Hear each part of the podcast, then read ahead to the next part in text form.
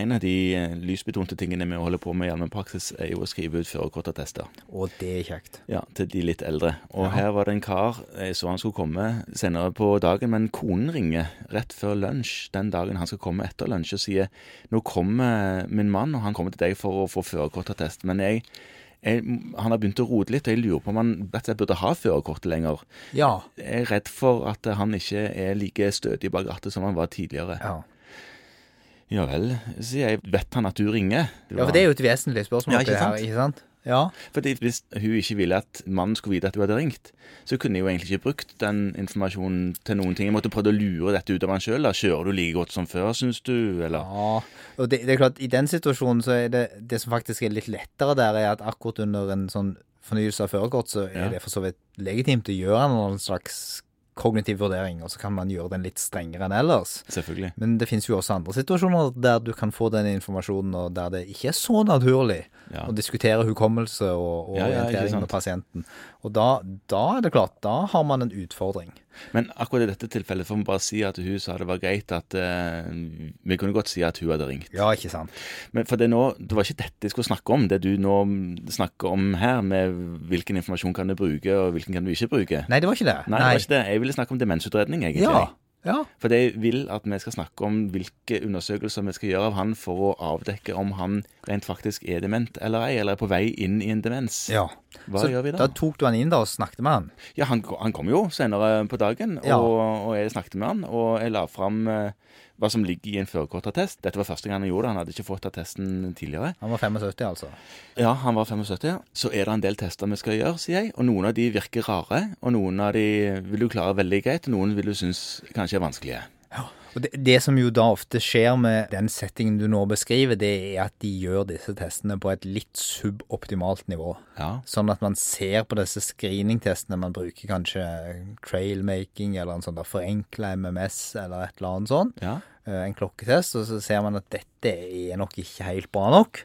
Og så bestemmer man seg for at her må vi gjøre en ordentlig vurdering.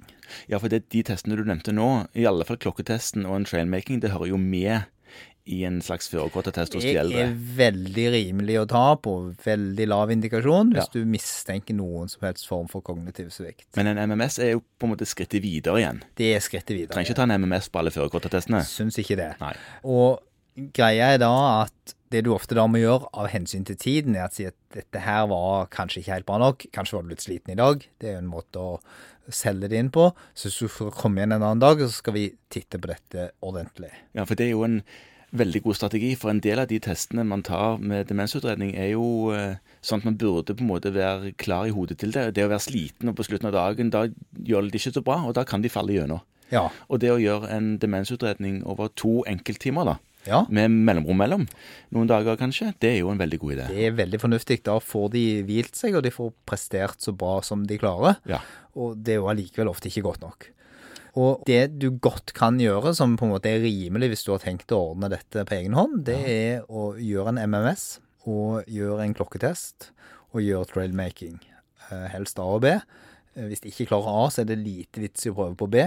Ja. Trailmaking B, der det er både tall og bokstaver, er en ganske krevende øvelse innenfor den tidsrammen som er satt. Ja. Så er det sånn at til akkurat det arbeidet der, så er det en god del kommuner som har egne demensteam. ja. Og nå oppleves det nok for en del pasienter som litt dramatisk at det skal komme en tester fra kommunen hjem og se hvor mye de husker. Men i en del settinger er det helt fornuftig. De testene du nå nevnte, de kan du gjøre selv på kontoret, men det er en del andre ting som demensteamet gjør iallfall lettere enn det du gjør på kontoret. Det er nemlig å se hvordan de lever. Ikke sant? De observerer hvordan det hjemmet ser ut. De får ofte sett litt hvordan de fungerer hjemme. Og de kan også få samla inn komparentopplysninger, og det er kjempeviktig. Er det her et funksjonsfall i forhold til tidligere, eller ikke? Du vet at Poenget er at man kan falle mye i kognitiv funksjon uten at man nødvendigvis klarer å måle det i en test. Fordi at det kommer litt an på hvor man startet hen i utgangspunktet. Ja. Så folk kan ha store funksjonssvikter, selv om de ikke alltid viser så godt i disse testene. Mm. Det andre du må gjøre, er jo å forsikre deg at dette ikke er noe annet. Ja, en eller annen sykdom liksom som ligger til grunn for at Ja, han begynner å rote. Annen sykdom. Demens er jo åpenbart en sykdom. For eksempel så er det en massevis av differensialdiagnoser vi må være obs på.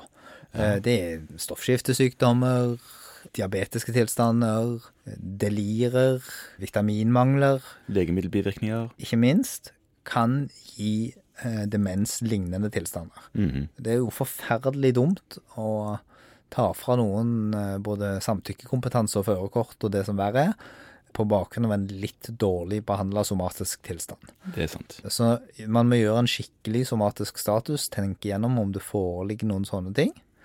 Og så hører det med til de fleste av disse sakene, og de ender nesten alltid opp med at det blir tatt et MR-kaput. Ja, sant. Det hører med. Eh, Fordi at når du først har kommet så langt i denne utredningsprosessen at du begynner liksom å tenke at dette er nok en demens, så er det litt greit å avklare det, fordi at et stort svinn i forhold til gjennomsnittet i forhold til alder indikerer styrkediagnosen.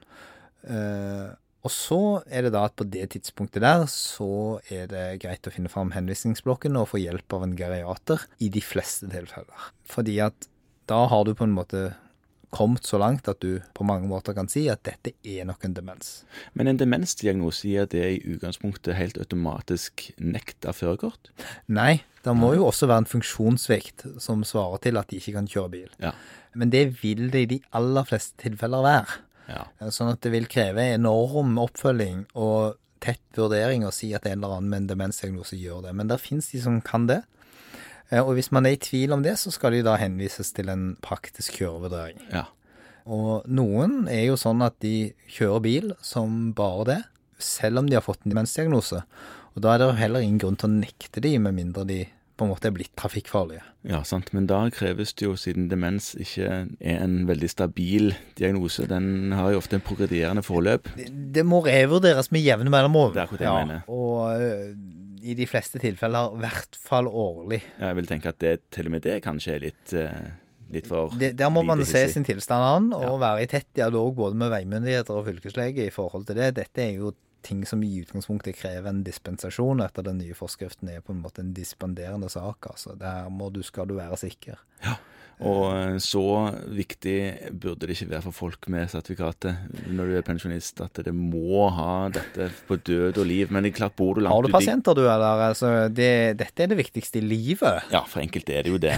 Eh, Men det skal mye til for at de eh, kjører bil veldig lenge med den diagnosen. Ja, det skal det. Men jeg vil si tilbake til det eksempelet du starta med. Ja. Så er jo det at kona er redd for å sitte på med vedkommende, det er i mange, ikke alle, men i mange tilfeller ganske tydelig på at nå svikter det. Det er sant, det, altså. Og det skal man lytte til. Klart. Ja. Det er en del av komponentopplysningene som er viktige. Det er en viktig del av komponentene. Ja. Ja.